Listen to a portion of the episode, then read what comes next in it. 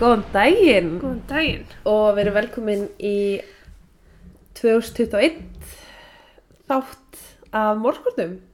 Já, Þetta var erfitt. það verður fang. Uh, við ætlum að gera þess öðruvis í dag í staðan fyrir að vera með tvö máli í einum þætti, ætlum við að hafa tvískiptan þátt, Mm -hmm. tvö máli í tveimur þáttum. Hvernig voru jólinn? Ég var að fara að spyrja þig hvernig voru áramótin. Herru, jólun voru góð, áramótin fín. en Já. hjá Þér, Bara sama hér, Nei. allt frábært. flottar, flott flugaldarsýning hjá þér á TikTok. Mjög, þetta þetta var mjög skemmtilegt. Fyrir ykkur sem vita ekki hvað þetta er, þá mælum ég með að fara að leita mér uppi og Mhm. finna þetta. Þetta er örgulega mestu vombrið sem ég veit um. Í Þetta- byrjun árs. Þetta er mjög gott. En já, herði, ég hef ekki bara að byrja þetta í dag. Ég held að, Uh, já, sérst, í dag ætla ég að segja ykkur frá Faith Hedgepath. ég er mjög spennt að heyra þetta mál. Við Sjáum til. uh, Faith Hedgepath var 19 ára nemi á þriðja ári í University of North Carolina í Chapel Hill og hún var meðlumur í frumbyggja ætt bálknum, er það rétt að það? Já, Halifa Saponi. Fóreldra hennar skildu innan árs frá fæðingu hennar og var hún alin upp á móður sinni með hjálp frá eldri systur í Hollister og Vor Warrenton. í hvað fylki? Ógislega góð spurning. North Carolina. Já, ok. Já. Varstu búin að segja það? Já, Eh, Já, sorry. nei, samt ekki. Já, ok. Hún var skýrð feið vegna þess að móður hennar taldi að það væri akkurat það sem þeim vantaði í lífið en fadir hennar hafði verið að glíma við eitulifi vandamál.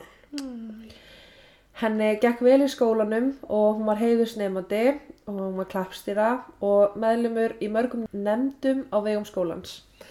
Fadir hennar hafði einni verið í UNC en kláraði ekki námið svo Faith vonaðist til þess að vera svo fyrsta í fjölskyldunni til þess að útskrifast. Bara svona vonast hérna fjölskyldunar. Já, já.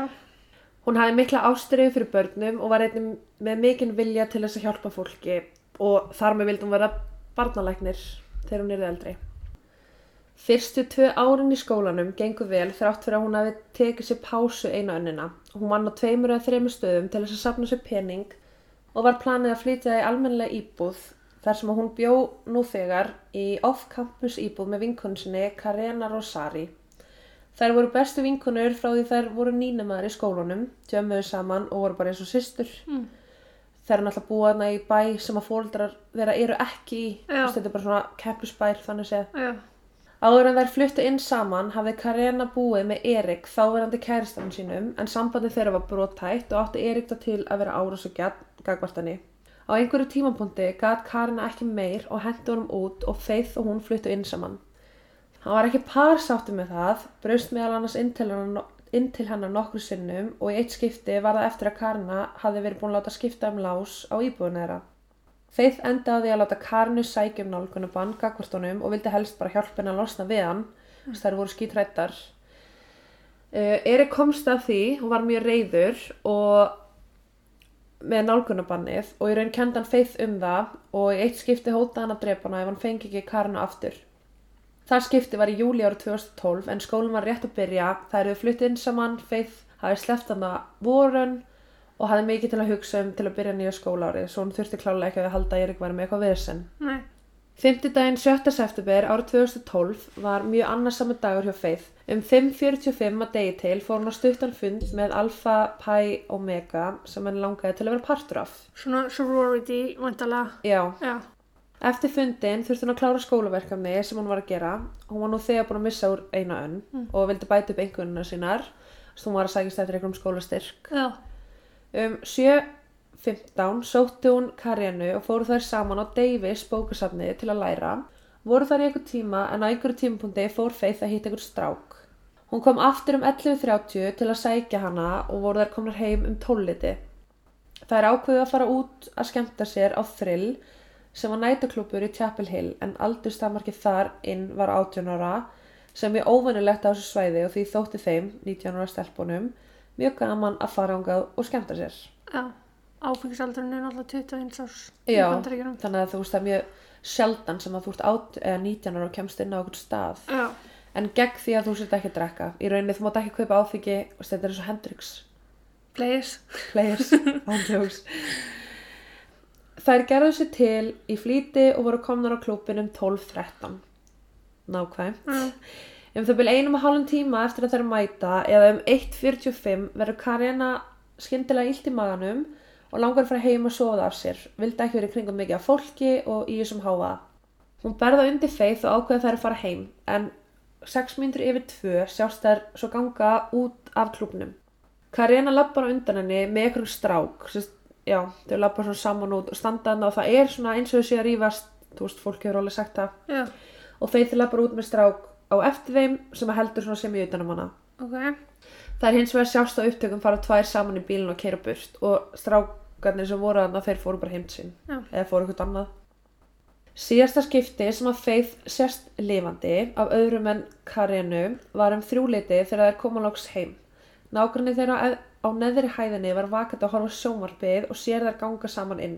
Um hálftíma síðar, eða eftir að þær koma heim, heyrir hún þrjú hávar högg og lýsir því eins og borð sé að detta á hliðina eða einhverju sé hætti gólfið.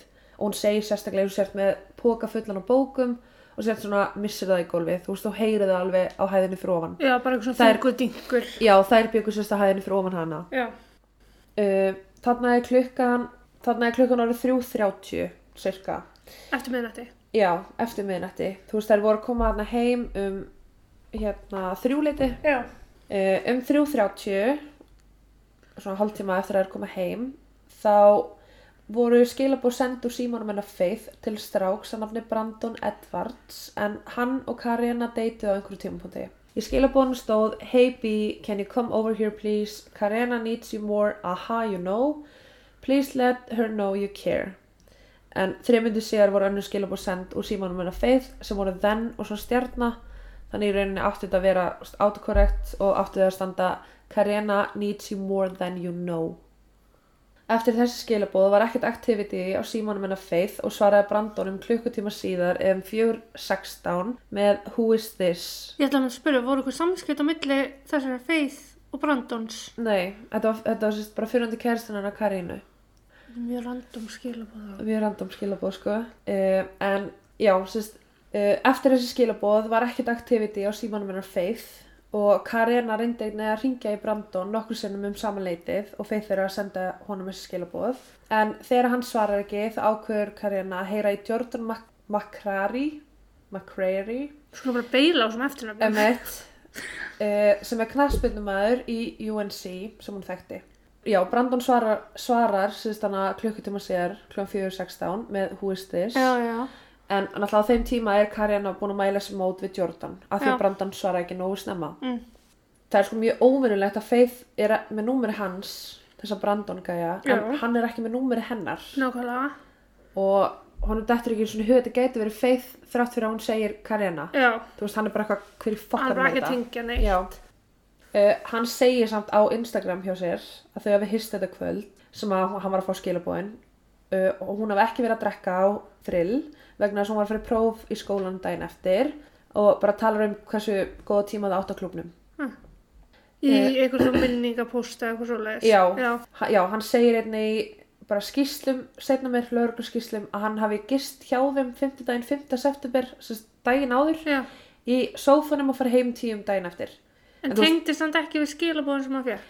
Já, þú veist, þú er sko að gista, þú hittir hennar þetta kvöld, þú ert að gista heima hjá henni, þú ert ekki með símanúmer hennar og þeir grunar ekki fyrir sko fimmur, Já. þetta mögulega getur verið Faith að senda þessi skilabóð og vera bara hey Faith, sorry, la la la, Þú veist, bara who is this, þetta er mjög spes skilabóð, Bara öll ljós kveikt og enginn heima líka. on jokes. Uh, sérst, þegar Brandon svarar hann ekki, það ákveður hann að ringja í Jordan, eins og ég segði á hann, og um 4.20 og 4, eða 4.25, Já, þá kom hann, sótti hann og þau fóru he- saman heim til hans. ok. Finnst þér ekkert óvanilegt við það? Jú, Hvað finnst þér óvanilegt? af því hún var að byggja um brandarann rétt áður. Ok, ég fyrir Hvað er þetta að fiska? Ok, sem, það sem ég fannst mjög óvanilegt við þetta er að Karena fór sko veik heima á klubnum Já, ok, og þú true. veist, hún ældi þegar hún kom heim Já, og það var verið að tala um að hún hefði bara verið það full að hún hefði bara, þú veist, þú veist komin að það stegi að þú ælir bara Thank og you. henni leið illa í, þú veist, henni var illa í maðanum en svo kemur hún heim þú veist, henni langar ekki að vera á klubnum í kringu stráka en svo kemur hún heim og þú ert bara eitthvað herði Brandon vil hitta þig og svo Já. bara vill hann það ekki þá bara Jordan, hvað þú segja mig þú Þú veist, ef þeir eru illt í Bara- manum, þá er þeir illt í manum, sko. Er það bara ekki bútikál? Ég vona, þú veist, af hverju ættir ekki að búti kóla frá staðnum? Af hverju ættir ég að vilja draga vinkona hérna heima þegar þú er svo illt í manum og þú vilt fara heima að sofa? Mér fannst þetta svo perandi, sko. Já, ok. Uh, Um 10.30 daginn eftir vaknar Karina hjá Jordan. Hún reynir að ringi Faith en Faith svarar ekki símanum. Það er eftir báðar að mæta í skólan og var það óvinnulegt og úr karakter að Faith var ekki vöknu og klár þar sem að hún hefði ætlað að sækja hana um morgunin og það er ætluð saman í skólan. Já. Faith var á bíl. Hún ringir í Marisol Rangel sem var samvegli vinkona þeirra beggja, eldri en þær og leit svolítið á sig sem stóri sýstu þeirra. Já. Karina sagði henni að Faith væri ekki að svara símanum og sagði henni að hún var í först heima hjá sem gæja og bað hana um að aðtöfa með Faith. Marisol stingur upp á því að sækja hana til Jordan og fara, þeir, og fara heim saman til að aðtöfa með hana sem að þær gera. Það er að mæta heim um 11 leitið og sjá að bílinn hennar er ennþá fyrir utan og gera ráð fyrir því að hún var að sofa yfir sig. Það er að opna hurðina að fara inn og byrja að kalla á hana en þær fá í rauninni ekki svör. Þær fóru henni í svefnherbyggið og fundana Mm. og þetta er kalt þær fóru hann að funda Faith lág hálf úr rúminu að hluta til nakin í svörtum stuttarmaból sem hún búið að hýfa upp fyrir ofan andlitið hennar hún lág með andlitið upp og undir haustum hennar var stór blóðpollir það var blóðslettur út um allt í herbygginu Þannig að hún var bara eila nakin með bólunum fyrir höfuð. já og það, lá, svona- eð, það var svona eins og hún hefði bara dottið úr rúminu Þú veist, hún lág svona einhvern veginn fæturinn á gólunu hausin einhvern veginn Já. Oh. Eh, Karin ákveður þá að ringi neyðlínuna og tilkynna þar sem að þær höfðu séð. Lörglann dreif sér á staðinn og úrskur, úrskurðaði hana látna. Hún sagði frá því að Faith hafi verið sofandi í rúminu þeirra þegar hún ákveði að fara út en hún hafi hins vegar glemt að læsa útidröðhurðinni. Skrítið að taka það fram. Já, sko, hún tók það sérstaklega fram. Hún er nýbúin að skipta um lás þar sem að Erik hafi brúst hana inn til Já. hennar. Hún er með nálgunubann á Erik. Aha. Erik er búin að hóta að drepa Faith. Emmett. uh, og það er eitthvað sem allir hugsa bara Já. eitthvað, af hverju ertu að segja eða þú veist, af hverju glemdur að læ- hvern, þú gleymir ekkert að læsa hurðin ef þú þrættir líf þitt Sko það bannaði seima náttúrulega, en á Já, sama tíma, en- en... okkur nefnur þetta fyrra bræði. já, en ég fann sem sagt, í kort documents, þá fann ég út að uh, þar sem hún var nýbúin að skipta um lása íbúðinni sinni út af Erik þá var, þá var bara hægt að læsa með likli þú veist, utanfrá, ég drakk Manuel, læst já, innanfrá, já. ok. það var einungins einn líkil til þar sem hún tæklaði sér bjóðana ein og leigjandinn sem að var að leiginni vildi ekki að hún væri, að það væri bara líklar út um allt Ok, var bara hægt að læsa hurðinu utanfrá? það er bara hægt að læsa minni utanfrá ég er með svona Já, en... nei, Þá þú, er- veist, þú getur ekki sett í lás og loka hurðinni Nei, já, ég skilja. Já. Já, já, já, ok. uh, þú veist, og það var bara eitt líkil af því hún bjóðna þannig sem bara ein Faith Já. var alveg bara crashing þú veist, og hún skildi líkilin eftir hjá Faith þar sem að Faith var búin að segist alveg sækina daginn eftir og hún myndi þurfti að miklu læsa, frekar já, að já, leysa að ok. Faith myndi læsa líkilin fannst í íbúðinni Ok. þannig að það meika alveg sens á heimilinu þeirra, eða hennar, fannst meðal annars stjena úr óþættum karlmanni á sem sæði en í raun var ekki gefið úr strax hvað sæði fannst en sæðið og DNAið voru íbúinni var að sama manninum. Inn í herbygginu var einnig Bacardi romflaska sem var ötuð út í blóði og gerði lögregla ráð fyrir því að þetta væri morðvopnið. Flaskan var vanlega geimd í eldúsinu en fannst í svefnherbygginu Ok, og Faith var náttúrulega ekki að drekka nei. Karina sagði að þetta var ekki flaskan hennar, hún Mhm. hefði verið í eldsi. Krufningaskíslan sagði að hún hefði dáið af veldum blunt force trauma eða vegna bareflis áverka. Á Í, re höfði, væntalega. já, Já. í restinni af íbúðinni var ekki að finna neitt blóð, ekki blóðdropa, heldur einungis í svefnherbygginu sem var bara allt út í blóði, Já, þannig séð. Og það er mjög óvinnlegt hvernig manneska getur dreipað þar mannesku með því að berja hana með flösku lappa svo út. þú veist, labba svo út og það er ekki sko spór Nei. eftir skónaðina eða fætur þú veist, það er ekki blóðdropi Nei. í íbúðinni Sér hvað ég er núna komin held ég á samblásið og þú með hvað gerir þetta. Já, ok. þú veist, og já e, það sem að þótti einkjælegt var að flaska var ekki brotin og fólk vildi meina að ef hún hefði verið notuð við morðið, þetta var morðvopnið, þá var hún líklegast brotin Já, sjáum bara til dæmis sann ítumálið já.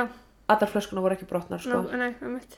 Eh, og það var líka gerð, þú veist, það var gerð greining á þessu og það var vel hægt að búa til áverka með þessari flösku. Þú veist, þetta er gamla típan á Bacardi. þetta er ekki... Laus þykk alveg. Já. Já, Rannsóknarlauglumæður sem var á staðnum sagði frá því í viðtali, sko setna meir, já. að það hefði ekki verið neyn merki um innbrot og það hefði verið meiri líkur en ekki að henni hafi verið nöðgað. En eins og morðvettvangurinn var settur upp þá leit allt út fyrir að um kynferðis ofbeldi var að ræða. Spólurinn hennar var dregin upp fyrir andlitið Já.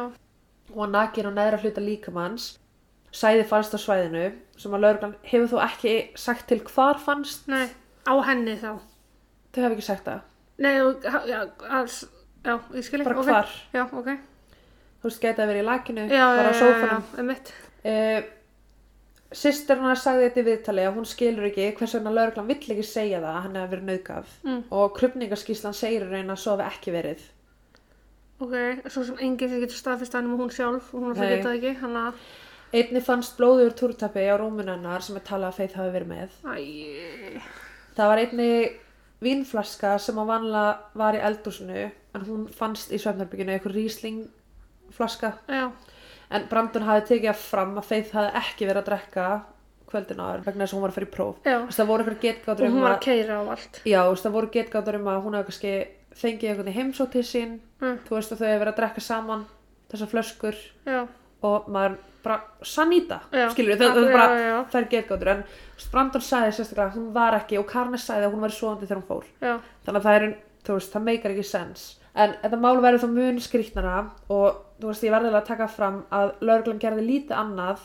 en að fá dómsúskurði til þess að halda málinu lokuð frá fjölmiðlum og almenning og voru litlar upplýsingar gefnar út og með mjög löngu millibili til að venda þú bara rannsóknar hagsmunni. Já, Já, ok, það er allan jákvægt. bara eins og við erum séð í öllum svona málum, Já. þú veist, einhvern veginn Fyrsta manneskjan sem var yfirheyrð var Erik en af augljósum ástæðum þar sem hann hafði hótað því að drepa hana einhverju áður og var með sögum óbeldi. Mm. Fyrrum sambyliskona Faith hafði sagt lauruglunni frá því að Erik hefði hatað hana og hótað að drepa hana en eins og ég kom aðeins inn á áðan þá var Karna búin að fá nálgunabann á hendur hún. Já, Það voru tvö skipti í júli árið 2012 þar sem hann braust inn, braut meðal annars svefnherbyggjishurðina, baðherbyggjishurðina og skápir hennar og þegar hún hótaði að ringja lögregluna þá hafa hann hrindinni og reynda að koma í veg fyrir að hún kemist burtu sem er alltaf bara frelsisvifting. já, Hann bjó einnig í sama íbúið samstæðu, þú veist, þetta er svona apartment complex, Ah, ok, þú veist þetta er alveg, já. Kvöldi áður en hún fannst sendi Erik skilabóða vin sinn og baði um fyrirgefningu fyrir það sem hann var að fara að gera en setti það sama á Twitter. Þrem dögum eftir að Faith fannst breytti hann covermyndinu sinna á Facebook með texta sem sagði Dear Lord, forgive me for all my sins and the sins I commit today. Protect me from the girls who don't deserve me and the ones who wish me dead today. what? Já, þú veist, það er frekar spes og líka bara að þú sendir sama kvöld að hún lést, hver er líka þar á því að þú sendir til vinaðis bara fyrirgefðu mér það sem ég er að fara að gera og hvað ertu að fara að gera? Mm, Það kom reyndar aldrei í ljós hvað hann var að fara að gera nei, ok, Lörglan alltaf bara baði um DNA sínu frá hann og í fyrstu var hann heikandi með að gefa það en á endanum slá hann til ok, og það DNA passaði ekki við síni sem að fannst á heimilinu og í raun breytti rannsóknina aftur á stig 1 þar sem að fólk var náttúrulega bara samfært um Erik hefði gert það og bara málið er leist þetta var Erik, hann Já. tekum hann Eh, það var meðal annars aðtöða Brandon, Jordan, Jordan og stráki frá klubnum en ekkert af þeim samsvaraði DNA sínu sem fannst á heimilinu nei, Það tók rannsóknina í raun og byrjunareit og taldi lauruglan að ef þeir myndu setja upp peningavelun fyrir upplýsingar þá myndi máli leysast.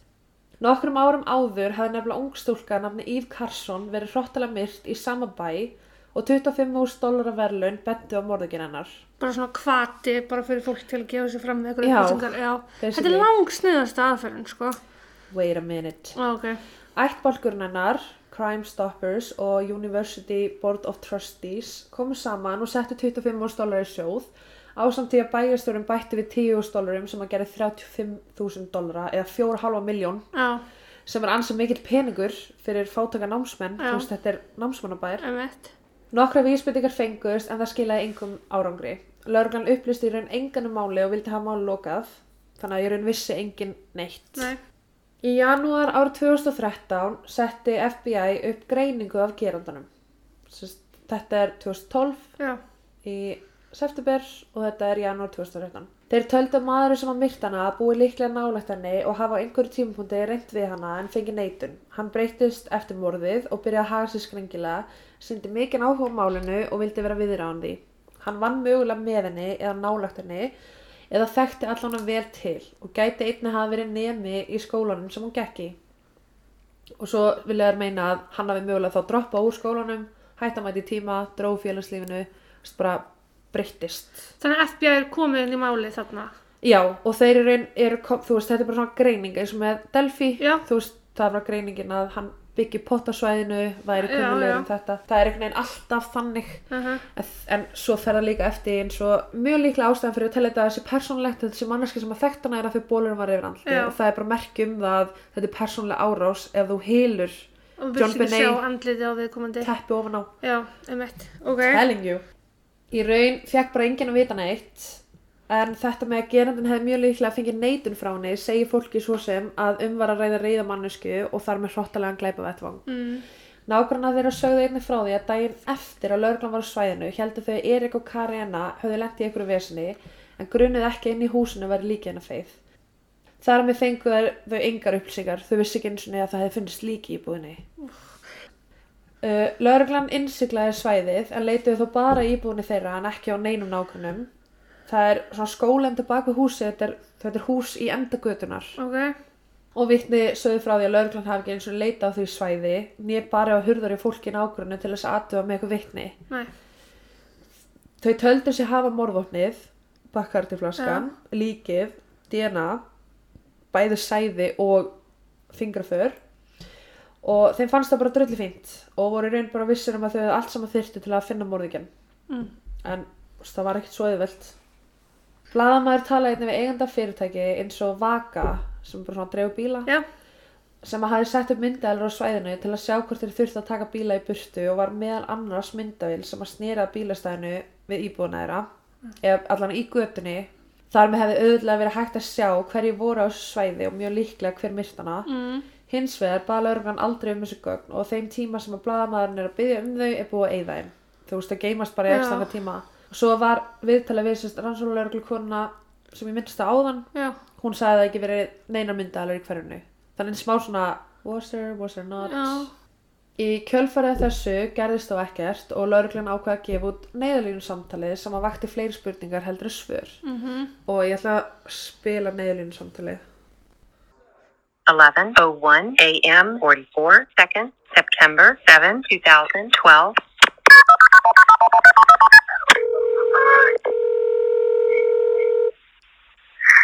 Zara 911, where is your emergency?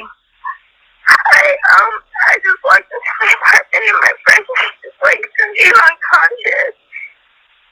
Okay, what's your address, ma'am? I was at Hallford at this view. Um Give me, give me the address. I just I just moved here, I'm about to get it. Oh my god. It's um five six three nine Old Chapel Hill Road in Durham. Okay, repeat it to me so, repeat it to me so I make sure I've got it correct. Okay. Five six three nine Old Chapel Hill Road. It's apartment Okay, what's it, No, oh two. 1602? Yes. What's the phone number you're calling from? Okay, you say your friend is unconscious? He's unconscious. I just walked in the apartment and there's looks like there's blood Okay, listen to me. Okay, listen to me. Listen to me. Somebody's already sending me ambulance. Okay, I need to get some information from you, and I'm gonna, I'm gonna help. I'm gonna tell you how to help her. Okay. Okay. Okay. How how old is your How old is she? He's 19. Okay. I don't know. I don't want to touch her, but Listen to me. Is is she breathing? I don't know. You need to check and see. Is she breathing? Kate, I don't think so. I don't think so. Okay. Listen to me. There's blood everywhere. There's what? There's blood everywhere. Okay. I don't know what happened. Okay. Is she on her back or is she on her laying on her stomach? She's not, she's on her back, but like she, I think she fell off the bed because she's like off the bed. There's blood all over the pillows, like in the comforter. I just don't know what happened. Okay. All right, listen to me, all right? Is someone coming? Yes, I've got somebody coming. I've got somebody coming. I need for you to help her. I need for you to go up to her. We need to see if she's breathing or not. I Okay? don't think so. Okay, listen to me. Go up. The paramedics are on their way. I want you to stay on the line. I'm going to tell you what to do next, all right? Are you right by her now? yes, Okay. Listen carefully. moving. She's not moving. Okay. No. Can will you touch her arm? Tell me does she, how does she feel? It's not moving. Okay, ma'am. We need to find out if we can help her or not. You've got to, he- you know, do as I'm asking so we can help her. All right. Okay. If you can, lay her flat on her back. Rem- eh, remove any pillow. Lay her flat on her back. Flat on her back. Remove any pillow. Okay. Okay. Kneel next to her. Look in her mouth for food or vomit. Blood everywhere. Okay. Kneel next to her. Look in her mouth for food or vomit. Blood.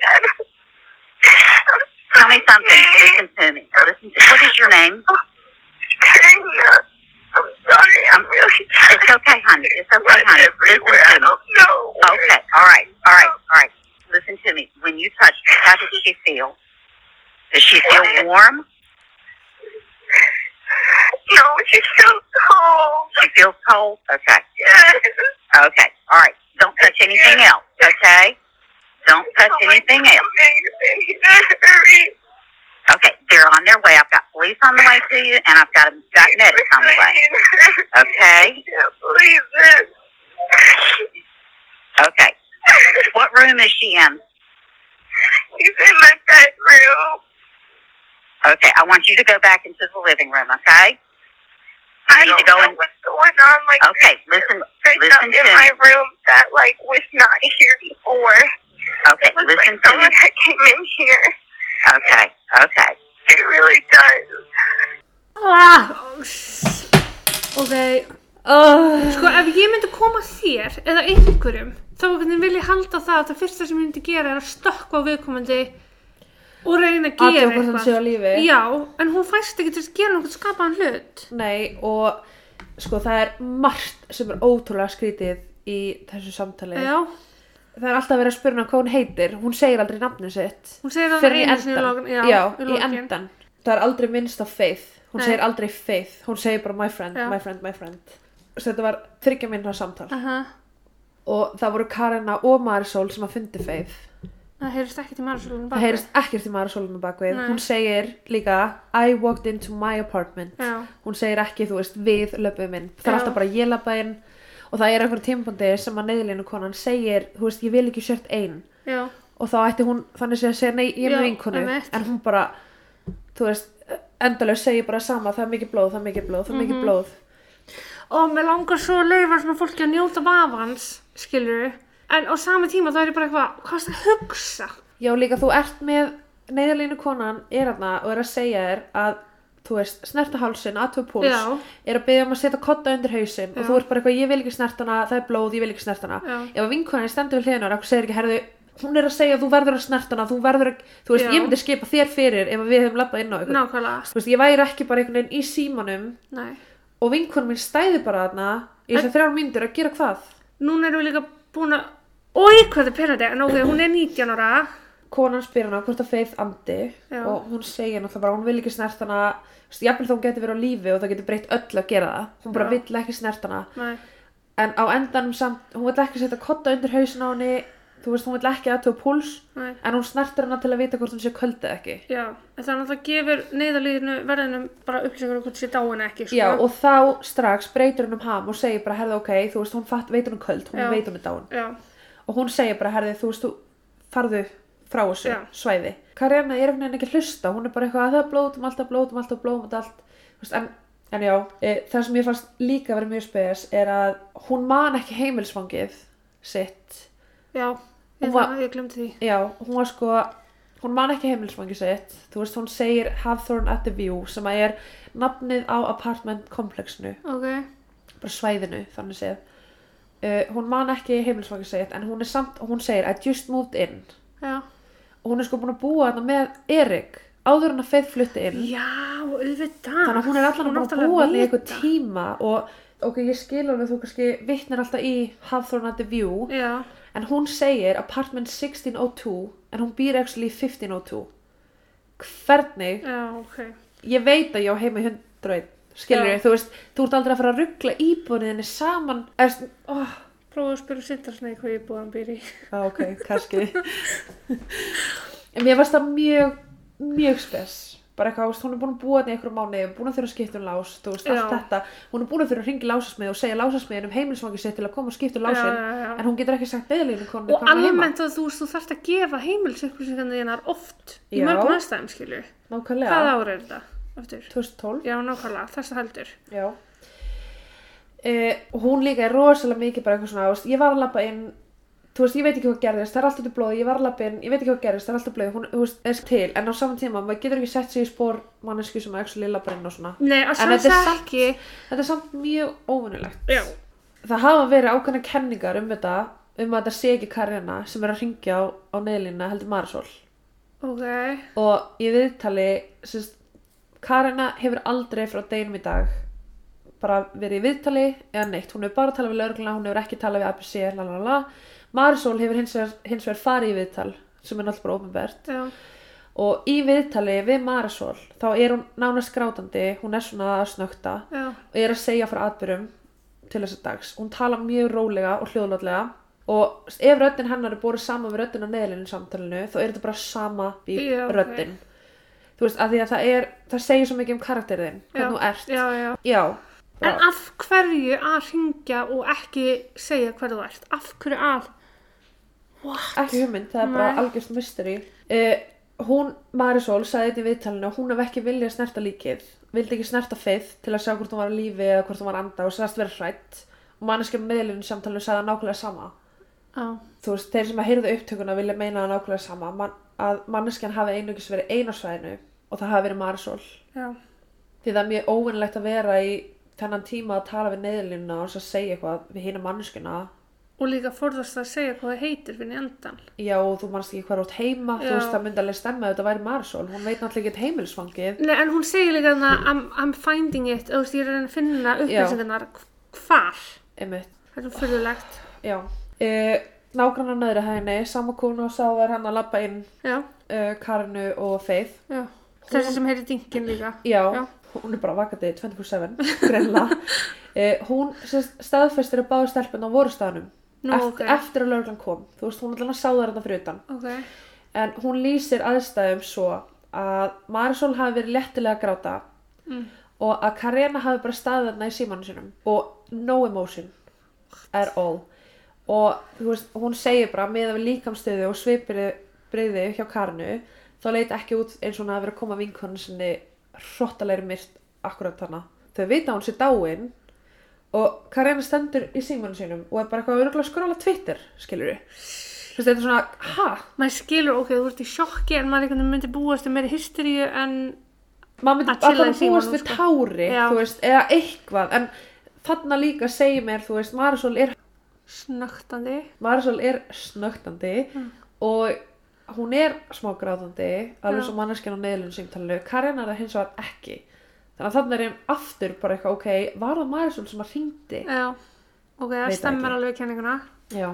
Árið 2016 var gefin út skissa út frá DNA sínu sem að fannst og sýnið það hvernig manneskja lítur mjög líklega út Út frá hverju? Gerð út, út frá, frá hverju? DNA-nu þú Út- veist, já, já, það er já, bara já. svo eins og MyHeritage Já, já, akkurat. ég raun að tala um einhvern Hispanic aðala frá Mexiko, Kolumbíu, Suður Ameríku og Afríku eða þar á milli Já, með olive skin tone já, enga freknur eða fáar og svart hár það þringdi ringin að einhverju leiti en þó ekki nóg til þess að finna morðingjan það var það ákveði að gefa út fleiri upplýsingar um málið þú veist, þeir eru bara hægt og hægt að vinna sig gefa út þetta, að þau hvort eitthvað gerist gefa út þetta, að því ef þeir til dæmis gefa of mikið þú veist, það er eitthvað svona efasendur um að það sé hægt að nota fyrir rétt Já. Þess, þeir vilja ekki gefa út allar þessu upplýsingar af því í fyrsta lagi þeir vilja náttúrulega að manneskjan kæfti af sér Já. og í öðru lagi þeir vilja þú veist geta nota þetta fyrir rétt og það er eitthvað svona álitamál þú veist hvað þú getur nota og hvað ekki já það var ákveð að gefa út fleiri upplýsingar um málið um var að ræða brefsnepil sem að lágu við hliðin á líkinu eða sérst, já Já. skrifað hafði verið á takeaway póka svona eins og maður fara á hlöllabátum Já, já, já. þú veist, í báta, það með hvítan sem að kom frá timeout stað bara sem er staður í Chapel Hill sem var open 24-7 og þótti vinsett staður til að fara á eftir djamið mm. fór sér að borða, bara svo bitabílinn Mhm, eða hölli. Já. Eh, á þessu brefi, póka, stóð I'm not stupid, undir því stóð bitch og undir því stóð jealous. Erik, segi ég. En já, ok. Yfirvöld hafa ekki sagt til um hvort gerð hafi verið greining á handskrifinni en telja þó trúum að aðilinn hafi skrifað það með vinstri til að villa fyrir. Það sem að þótti einkennlegast við það var þó að þetta bref lág hliðin á líkinu í blótaherbygginu að það var ekki að drópa blóða því. Þannig að það hefði verið lagt hana eftir að hún var Eftir. látin. Er Er ok, við samt að nokkuð, skrifa með vinstri. Erik er ekki nógu klár til að fatta það. en svo kannski var þetta bara illa skrifað og fólk heldur aukslega hann hafi skrifað, eða manneskinn hafi skrifað með vinstri. Það er enda mjög fyndið. Já. Uh, þú veist, það er ekki að vita hvort að morðingin skrifaði þetta áður eða eftir á. Nei, ok. En allan þetta var lagt þarna eftir.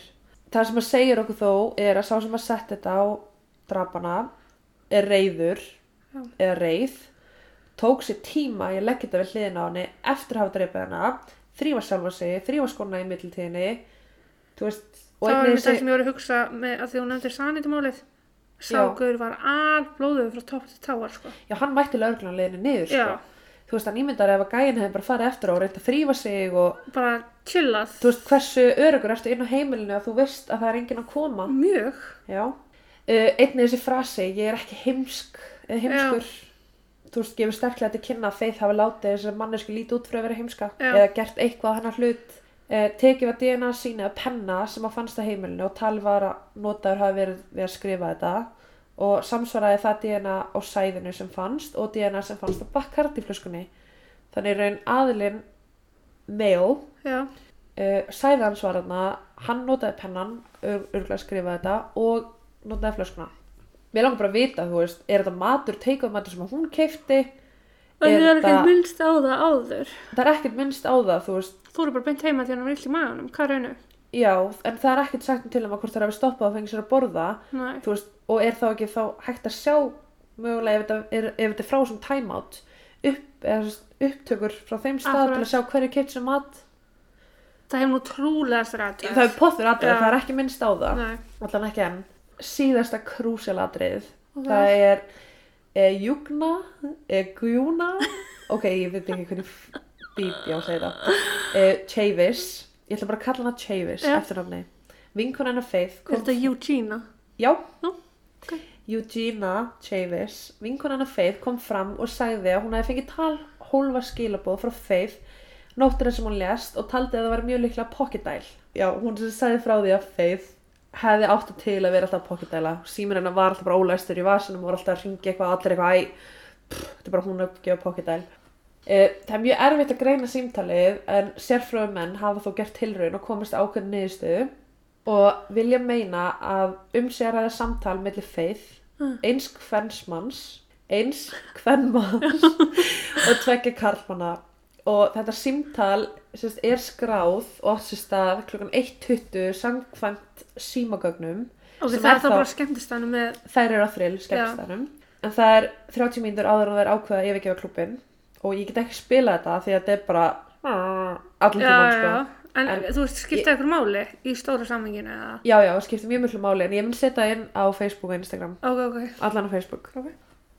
en ég er búin á svona smá narrow down þar sem að þeir telja að þeir heyra og það er hvernmannsrödd sem að segir you want to mess with my boyfriend og Faith segir sérst, pappina Faith var búin að hlusta á þetta og greina röddina hennar Ok, þannig að hvernmannsröddin segir you want to mess with my boyfriend og Faith segir I said I don't want to, Rosie Rósi. Já. Ok. Það vil nefnilega svo skemmtilega til að nýtni með hennar Karinu var Rosie. Hætt! Hætt! Eftirnafnið hennar var Rosita Du! og hún var köllu Rósi eh, og Faith þótti engan hann vin með því nafni, Rosie. Nei, en þetta er líka alveg örugglega svona, eins og ég kalla þig þoppu, Já, skilur, þú veist. þetta er þannig sko. Já, Eftir það segir hvermarsrættin, ég ætla að sparka í andlitaður tík. I'm gonna kick your face, bitch. bitch, Já. eins og þú með honum. Já. I found out it's bullshit.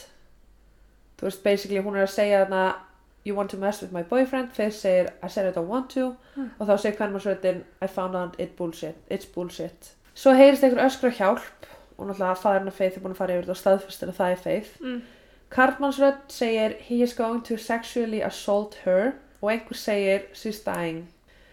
Svo segir Faith Get off me. Einnig heyrist á einhverju tímabúti nafnas Erik. Rannsakundur í málinu liti á þetta hljóbrot og töldu að það væri ekki tengt málinu þar sem að það hafi verið sendt um, eða ringt um 1.20 en ekki á tímanu sem hún lést. Hins vegar, það heyrist aldrei í neinni tónlist eða öðru fólki að spjalla. Ef, að, ef að ég ringi ykkur inn á B5, guð hjálpi mér, það Halló! heyrir, já, Vá! það heyrir enginn Nei, orðaði sem ég er að segja Þú veist, og það er augljóst að þetta er í vasanum, þú veist þetta þú ert ekki með síman hér að pocketdæla Nei. það er augljóst að þetta er í vasanum þú veist þetta er okkur svona afskjöndsstað en það er líka alveg augljóst að það heyrist engin tónlist og það þrill er nætuklubur Já. fólk fer einhvern til að dansa akkurat. Og þetta er eftir miðnætti. Uh, en þetta er samt mjög svona tilviljun að kjent pocketdæl. Alltaf hann hafi bara ekki hringt til að... gæti verið Þú veist, það var einhvern talað um að það væri einhver galli í símkerfinu og það munaði nokkru tímum á símanum hjá vinkonunnar svo þetta gæti vel verið að það hafi verið á þeim tíma sem hún var myrt þannig að sérst, já, símin hennar var með einhverja aðra tímaklukku Já, þannig að kannski hennar sími segir 1.20 en í raun var þetta þrjú eitthvað. þrjú eða fjör, Já. skilur við. Uh, en vegna þess hversu erfitt það er að heyra sem er verið að segja og hvað lögreglan útiloka þetta sem sönnugögn, þrátt fyrir að þetta væri klálega eitthvað sem er rætt að skoða. Þess það heyrist meðal annars Erik og Rósi, ég mun sparki andlaðu tík, uh, kick your face, Já, uh, þú veist, I think she's dying, do it anyway. Þú veist, Er þetta bara eðlilegt? Ef þessi samræður átt sér stað og þrill, er þetta bara eðlilega samræður sem á ekki að taka inn í máli og hún var myrt tveim tímur setna? nákvæmlega. þú veist þannig að hvernig er þeir að útiloka þetta samátt þetta hafi kannski ekki gerst þarna eða gerst, ég held að þetta hafi gerst þarna Já. en hvernig getur þeir bara útiloka þetta það er raunin verið að tala um að þeir vilja meina að hún hafi síðan gengið út glöð af klubnum og þess vegna skiptir þetta ekki máli Þeir eru bara með þetta við þá að þetta hafi verið eitt eitthvað. Já, Þegar hún var ennþá þeir eru bara með þetta við það Sko, ég hef heyrt þetta pocketdæl. Ég gæti ekki greitt nokkuð skapað hlut úti, sko. það er ekki hægt nema og sért með hérna transkrift tilgjörsleust fyrir maður að spila þetta hér Já. þannig að í raun ekkert varð úr þessu og lögreglan bara útilokaði þetta Faith var að deyta Ty sem bara eitthvað strákur í Ok. Chapel Hill svona on og off í um tvö ár kynntist honum á nýnum að kynningu í skólanum hann sagði í einu viðtali að hann og Faith hafi átt vandamál í sambandinu en aldrei stórvægileg hann lísti henni sem frábæri stúlku og sagðist elskana Uh, þegar lauruglan fór að spyrja vini hennar út í tæ var það ekki samasaga. Faith átti nefnilega grunnskóla ástina Alex og vissi ekki hvort hún vildi vera með tæ eða Alex. En það var að tala um að Faith væri rosalega mikill svona... Þannig þótti bara gaman að vera með strákum, skilur og Já. hún var bara að finna sjálfa sig. Hún var, sérst, hérna, var on-off með hinum og þessum og aldrei í einhverjum svona staðfyrstu sambandi. Það var alltaf bara eitthvað, æ, Eitthvað þessi, fling." fekk leið, þessi, já. Margir Hún var sögðu- 19 ára, skilur við, væntalega. Já, margir sögðu að Tæ hafi verið með þráigjafinni og að hann hafi ofvendað hana, vildi í raun bara eiga hana útaf fyrir sig. Þau, vo- það voru tvö skipti sem hann kom að leita henni. Á einum tímapunkti var hann í partíi með vinnu sínum á heimaðustinni sem hann bjóa áður. Já. Vinkon hennar fór að sofa og Tæ stormaði inn í herbyggið, kveikti ljósi og lifti af henni sænginni og náttúrulega bara, þetta var ekki feið, þetta var Nei, vinkona. Já. Hann spurði hann á ódalsinum hver feið væri en vinkonan hafði bara ekki hugmynd og tæði hann alltaf bara frekar óugnalegur alltaf henni stendur einhver maður yfir stendur í herbygginu inn og þú er sofandi uh, þú veist og bara þetta la- hann lappið hann inn eitt og sér er óhugnalegt Já, svolítið. en hún hafði ekki verið að svara skilabóðum frá honum og hún líka eða ekki Þú veist, hann bara þú svara mér hann fyrir brjálæður Mm. ákvað bara, hann ákvað bara að fara út og finna hana fyrst að hún ætlaði að láta svona. Annars skipti var þegar hún var að sjá um þvottir sinn um tvö nóttu til sem var ekkert óvinnilegt þar sem að margir voru að þvó og það er ekkert mikil tími til að þvó þvottin. Hún glemdi símanu sinum upp í herbyggi en Tæ hafði verið að ringja hana. Þar sem hún svaraði ekki þá mætti hann bara á svæðið og var bálreiður. Það var einnig eitt skipt sem Feið sagði vinkonum sínum frá því að Tæ hafi lamið hana. Þau áttu mörg vandamál, ekki smávægileg, eins og Nei. hann vill meina, og Feið var í raun að neyta honum. Já. Viku áður en hún dó sagði hún vinkonum sinni frá því að hún ætlaði að fara aftur til Alex og vildi ekki vera með Tæ lengur. En sömu vikuna fór hún að svaf hjá Tæ og hún var bara rosalega Já, ringluð, opin, vissi ekki já. alveg hvað hún vildi. En hún var samt búin að segja þetta að hún vildi fara og vera með Alex Þú getur líka alveg sofið og við komum til þú er langa ekki að vera með honum, sko. um mitt. Nóttina sem hún fór á þrill ætlaði hún að hitta Tæ. Hann sendi henni skilaboð og spurði hvort hann ætlaði ekki að hitta hann en hún svaraði honum aldrei. Það voru þó ekki neinn skilaboð send frá honum þá nótt. Allt í hennu núna er hann bara eitthvað, já ok, hún er ekki að svara mér. Fine. Ekkert mál, já. Já. Um nóttina, um 3.52, eða á svipum tíma og hún var að senda Brandon skilaboð, Mm. sendir hún Tæ skilaboð þar sem hún tjáir honum ást sína á honum og segir hans í sálufélagin hennar og segir bara hún get ekki lifa án hans, hún bara elskja hann meir en allt og bara bla bla bla. Bullshit. Já, og vinum hennar fannst þetta mjög skrítið þar sem hún var nýbúin að segja að hún ætlaði að fara að vera með Alex Já. og þóttu skilabóðin einnig vera mjög ólík hennar talsmóta þú veist, eins og til dæmis manneski sem gera aldrei kommur en Já. allt í einu að gera kommur og þú er bara eitthvað ok, Ah. ah. meikar ekki sens Akkurat. Svo þú með fokkin punktana hérna. uh, Jordan, strákurinn sem að sótti Karinu og tók hana heim til sín var fyrir utan húsi sitt við íbúinu sína þegar lögla mætti og vildi ná að tala af honum þú veist, nú erum við komin bara langt fram í tíman þú veist, allt þetta er búið að gerast og það er ekki ennþá búið að finna út hver þetta var uh, Jordan, strákurinn sem sótti Karinu og tók hana heim til sín var fyrir utan húsi sitt við íbúinu sína þegar lögla mætti hann sá hana koma, tók uppi og reynda að keiri burtu frá henni Þegar lauruglan stoppaði hann sagði hann strax Ég kom ekki nálægt þessu, ég veit ekkert, ég vil ekki vera partur af þessu Sko áður hann að lauruglan spurði hann Eða bara hann kynnti sig Já, Hann bara, veit ekki neitt, vil ekki vera partur, bless já. Sem var alltaf bara mjög óunlegt að sakla þessu manni Og Bæði og, sko. Já Strákur sem bjó í sama íbúður húsnæði og hann sagðist að séð hann og Karinu koma að það inn um nóttina og hún hafi verið með rauðan blett á skýrtunni sinni Nú, ok. Lörgla snýri íbúðuna hans við og fundu skýrtuna sem umræðir og þeir hafa samt aldrei gefið út eins og ég sagði hann, þeir eru búin að loka fullt af drasli, þeir vilja ekki segja hluti Já. ef að það actually fannst blóð úr feið á skýrtunni af því að hún var með rauðan blett á skýrtunni Já. ef það fannst blóð úr feið á skýrtunni sem þeir vilja korki staðfesta ég neita, Já. þeir vilja heldur ekki neita því Nei. þá megi hann alltaf ekki segja það, því að það er sönnunagagn og þeir megi ekki Og það er upplýsa notast, það fyrir já. hann já. Eh, annars, þú veist, ef það væri ekki þá myndi þeir bara segja nei Já. Þetta var ekki blóðið á Thomas og svo, Já. punktur.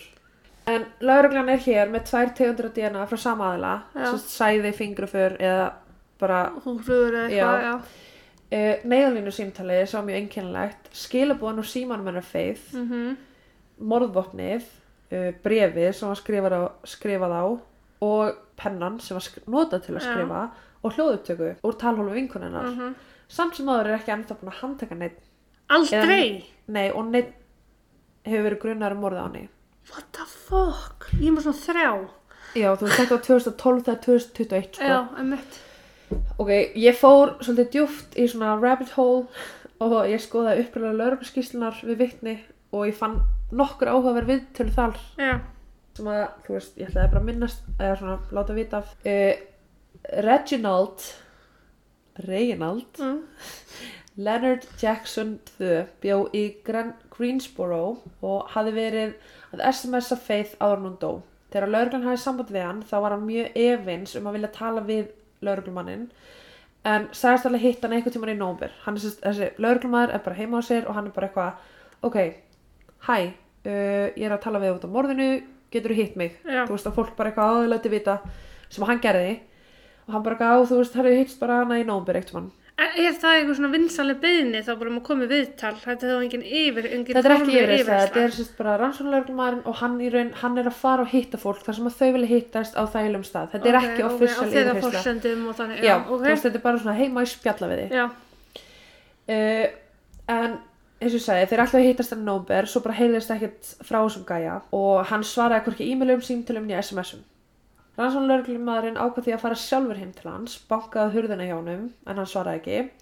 Á þessum sama tíma kom Reginald, keyrandi, sá lauruglan standa þarna og keyrið fram hjá. Lauruglan ákvaði eldan og stoppa hann, sérst þetta er rannsóknarlauruglamaður Já. og hann var búinn að byggja um backup frá lauruglamanni í Greensboro ok. til að vera já. hana. Lauruglan ákvaða eldan og stoppa hann og spurði hann bara svona léttu nótunum af hvernig hann vildi ekki tala við þá, hvað, hvað hann var að forðast Já. og svörin sem hann fekk var að hann vildi bara ekki tjá sig um þetta mál og hefði verið alltaf þekkt hana. Mm. Svo bara þú veist, var hann byrjum DNA og eitthvað svo leys, ekkert mál. Það fór ekki lengra. Já, og svo Ok. bara, veist, náður heim. Jakob Bídli sem að bjó í Raleigh, hann var að þrill með öðrum strákum, meðal annars David Bell, sem Já. ég kem að eftir, sem að sérst, sem sagt, David sérst labba á, feith, á myndbansaupptökunum, labba út á staðnum Já, og Jakob var sérst með þessum David. ok. Uh, hann sagðist að hafa keirt heim um nóttuna eftir klubbin en hann man ekki klukkan hvað það var. Hann var beðin um að gefa DNA síni en hann vildi það ekki.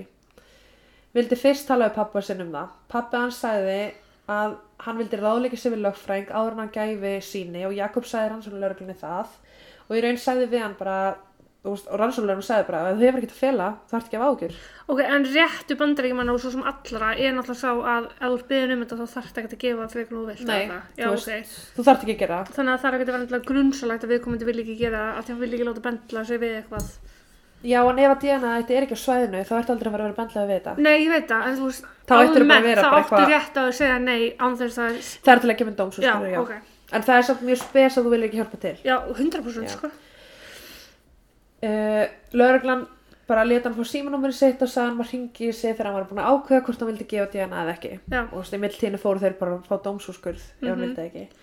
Uh, hann hins vegar eh, hringdi aldrei, svaraði hvorki símanúmerið til að um, póstum. Hvað, af hverju er fólk svona ósamvinnu þýtt? Emmett, uh, en málið er að símin hans svona pingaði, pinst Já, Eh, við símaturn á sama svæði og heimilegna Karinu en hann hafði hringt úr símanu sinum um 4.15 og þegar hann hringdi úr símanu sinum þá var hann í sama símaturni klúburinn lokaði tvö já, hann, hann sagði í vitnarskýslunni að hann hafi sérst, strákanir þeir voru fjóri saman þeir fóru allir heim til David Bell já, hann hafi fengið sér síkartu fyrir utan verið í tímindur, spjallaði okkur vinn sinna og sér kert heim til Raleigh ekki neitt nálagt þessu kompleksi.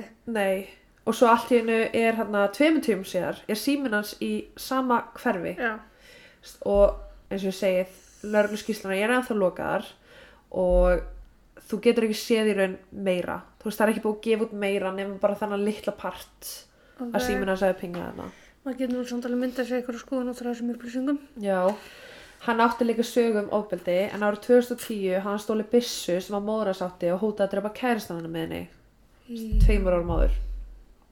Þá kom að David Bell uh, sem að sérst yfirgefa þrill með Faith. Hann sagði lauruglumennu frá því að hann þekkt hana ekki vel en hann hafi verið að dansa við hann á klubnum áður en hann fór heim til sín. Hún var sínd mynd af Faith og hann leitt strax í burtu sem, sem að lauruglunum fannst bara mjög spes Já, eins og hann hafi skamma sín já. eða þá eins og hann hafi bara fengið svona flashback af einhverju og verið bara, Get ekki Óþar- horft. ó- Óþarfa já, bara viðbrögð. óþægilega tilfinningu. Já, Uh, sagan hans passaði heldur ekki við söguna hjá Jacob. Hann segir að hann hafi verið heima á sér í íbúð sem hann deili með öðrum gæja. Þeir hafi verið þrýr saman. Hann segir að þeir þrýr hafi farið úr íbúðunum um 23.30, 23.45 á þrill og vinur hans var að keira bílinn. Hann var spurður hvort Jakob hefði verið með þeim í íbúðinu og hann sagði nei. En Jakob hefði líst í uh, að hann hefði verið heima á David fjóri saman. Jakob hafi keirt á klúbin og þeir þrýr hafi keirt saman. ok. Þannig að David hafi verið heima hjá er, Jakob hafi verið heima hjá David Já, en David segir að þeir hafi bara verið þrýr og Jakob hafi ekki verið þar hann segir að hann segir að þeir eru kert á tveimur bílum saman á þrill og David, hafi, David og strákanir hafi hitt Jakob á klubnum þeir Já. hafi hitt svona fyrir utan eða inn á klubnum planið hafi verið að hittast en þeir hafi ekki verið á sama stað David og vinnar hans fóru aftur heim til hans náttúrulega bara eftir klubin Mm. þessir þrýr sem áttu að vera hjá hann fyrir um kvöldið já, og Jakob náttúrulega bara keiri heim til sín eins og hann segir uh, hann sagði þetta frá því að þeir eru að stoppa á Wendy's restaurant til að fá sér að borða sem að ég var smá svona takeaway bag mhm. hann var beðan um að gefa DNA síni en hann vildi ekki gera það vegna þess að hann hafi snert hana um kvöldi sem þau voru að dansa What? Já og þú veist, ég held að lauruglan gera alveg ráð fyrir því að þú snertir hana kvöld sem þau voru að dansa Já, þeir eru ekki að þú veist þeir eru að leita þeir eru að aðtuga hvort að DNA hans samsvar í flöskunni eða, þú eftir veist, sæðinu. já Þess, þeir eru ekki að leita að DNA sem er mögulega á henni og Nei. gæti að hafa komið um kvöldi heldur bara eða samsvara flöskunni, punktur, þú varst hana Já, bara flaskan, pennin eða sæðið ef það Já. er Það voru svo líka einhverja getgáður um það að hún alltaf fór á bókasamnið, hvarf, þú veist að hita einhvern strák, Hmm. Já. hvort að sæðu gæti hafa verið á sem sagt- henni Já, sérst, frá þessum gæja, Já, að hún hefði sofið hjá þessum strák og svo væri bara sæði innvortis. gefur svo mest að bæjum Já, og að, sérst, hvort að það hafi verið málið, þú veist, að sæðið finnst á staðnum, en sæðið samsvaraði bakkar til flöskunni, þannig að það getur ekki verið að það hafi verið sæðið frá Nei, já, gæjanum sem hún hitti einmitt, þarna. akkurat. Þess, Það var bara útilokað, manni hvort sagði það hann. Rannsóknulegur manni sagði í skýslanum sínum meðal annars að hún var samtalið við David Bell mjög spes, þá sérstaklega að hann var með skríti viðbröð við myndunum af Faith, uh, sem ég raun bara lit út eins og hann hefði séð eitthvað og var bara Já. litbyrtu. Annarkvort laug hann eða Jakob um hverjir voru saman þetta kvöld og hann neitaði að gefa DNA sinni. Þannig Jakob neitaði líka að gefa DNA sinni. Annarkvort þeir eru að ljúa, Akkurat. þeir voru ekki fjórir Nei, eða voru þeir fjórir, veit það ekki af hverju símanast Jakobar að ping, pins þú veist, í símaturnin alveg henni kl. 4.15 akkurat og sko það er eitthvað talað um að hann þekkti eitthvað til Jordan mm. og það var eitthvað svona að hann vissi að Jordan væri að koma að sækja Karenu Já. og þar lendi viss hann að Faith myndi vera ein heima það var eitthvað svona verið að tala um það Ok. Ég las það einhvers staðar. og að þess vegna, þú veist, símina hans hafi verið hann í nákvæmnu yfir 2000 manns hafi verið yfirheyrðir og í kringum 750 hafa gefið DNA sitt það kom, það kom fram að fólki sem stóðunni næst var líklegast til að hafa gert þetta og það var erfiðast að fólki til að fá DNA frá Karna hefur hingað til ekki vilja verið í viðtali við neitt og lét sér raun bara hverfa Þú veist, hún talar ekki eins og við Marisol Mm. Þú veist, hún eitti Facebook, hún eitti Twitter bara öllu, Instagram Við veitum ekkert hvað hún er í dag þá einu Nei, sinni. hún bara hvarf Ok, Það er búið að yfirheyra hana yfir tíu sinnum sérst, hjá lögreglu já, sem fólk telur verið mjög óvinnilegt og heldur að lögreglan sé onto something aha Hins vegar telur þau ekki séu næst sannugögg til þess að handtaka einhvern eða ákæra einhvern fyrir morðið á Faith Er það bara af því þeir vilja vera safe þegar kemur að því að þeir handtaki eitthvað og þeir vilja bara vera með já, alveg þeir vil, nætt já, ég heldur að vilja ekki segja neitt Þú veist, en það eru svona eins og ég las einhverjar þú veist, það eru ástæður fyrir því af hverju Karina er akkur lítur úti eins og hún hef átt hlut Já, þú veist, og það er náttúrulega bara hún lest ekki hurðinni aha, ok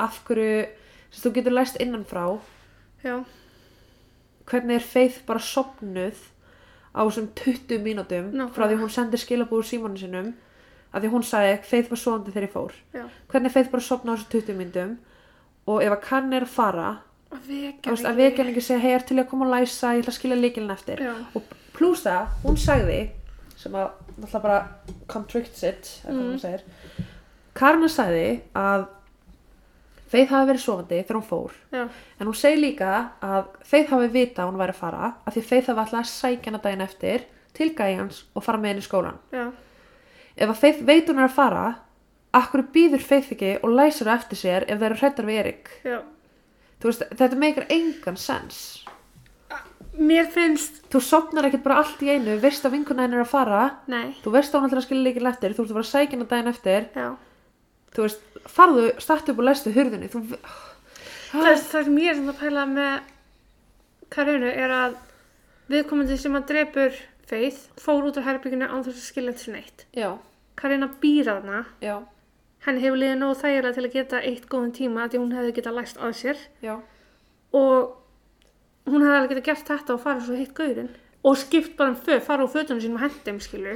já, líka bara, þú veist, manneska sem býr á nöðra hæðinni heyrir þrjú svona þöms Já, og heyrir eins og það sé að vera að hrinda borði eða það að vera eitthvað, heyrir þrjú þannig já, en hún heyrir ekki þegar einhver tekur flösku og ber hana í hausinn og hún öskrar nei, þú veist, getur ekki bara verið að þetta hafi verið þá emmett. eða þú veist, maður er svona, maður spyr sig þú Ég veist, hefði haldið það sko. hvernig heyrur ef einhver missir bækur á efri hæðinni, en þú heyrir ekki þegar einhver er að lemja einhvern með flösku og öskra Nei, þú veist, þess vegna er maður bara gáð, þú heyrir kannski ekki öskrin að því kannski voru ekki öskur, Já, kannski var kannski breytt var bara högg eitt högg og bara og búið, bam, en þú heyrir alveg þú veist, ég heyri krakkan á Heyrir efri hæðinni allavega hlaupa hjá mér, sko dynkin. En líka ef það er tala og hún hafi verið kynferðislega áreitt, hefði þá ekki verið einhver mótspilna?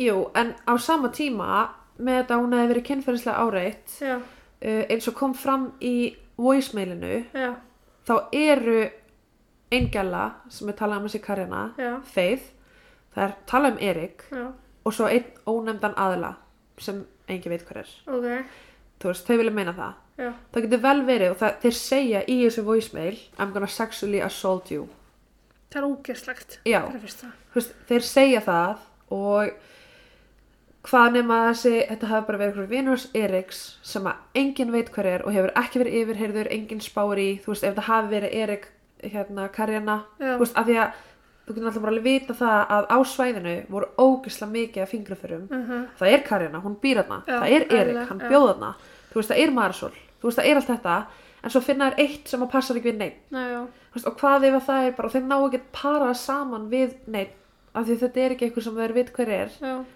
hvað ef þetta er bara einhver vinnars Eriks nákvæmlega.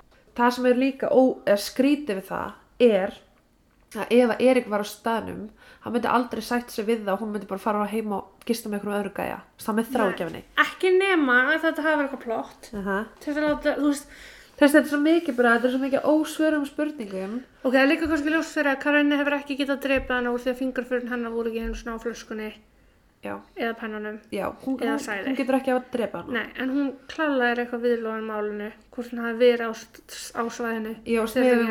voismilið Já, Þú veist, og líka bara með við þú veist hvernig Faith lappaði út glöð á klubnum Já. og bara hress ef, einhver, ef að vini, vinahópurinn eða vininir eða einhver verður nýbúin að þú veist, hóta sparki þig, öskra þig þú verður búin að öskra hjálp einhver, Mhm. og þú segir farða að mér þú veist, og einhver segir I'm gonna sexually assault you já. þú lappar ekki, ég labba út, myndi lappa út á klubnum grænjandi sko Segir hann, I'm gonna sexually Já. assault you, ekki Ja, nei, hann I'm gonna segir- rape you Nei, eða hann segir I'm gonna sexually assault her og einhver annar segir go do it og svo er eitthvað sem segir I think she's dead, do it anyway og það er verið að meina, do it anyway þú Já. veist, ég myndi ekki telja ok, kill her more Nei, ég myndi meira hugsa, þú veist, ok assault her, þú Já. veist, sexually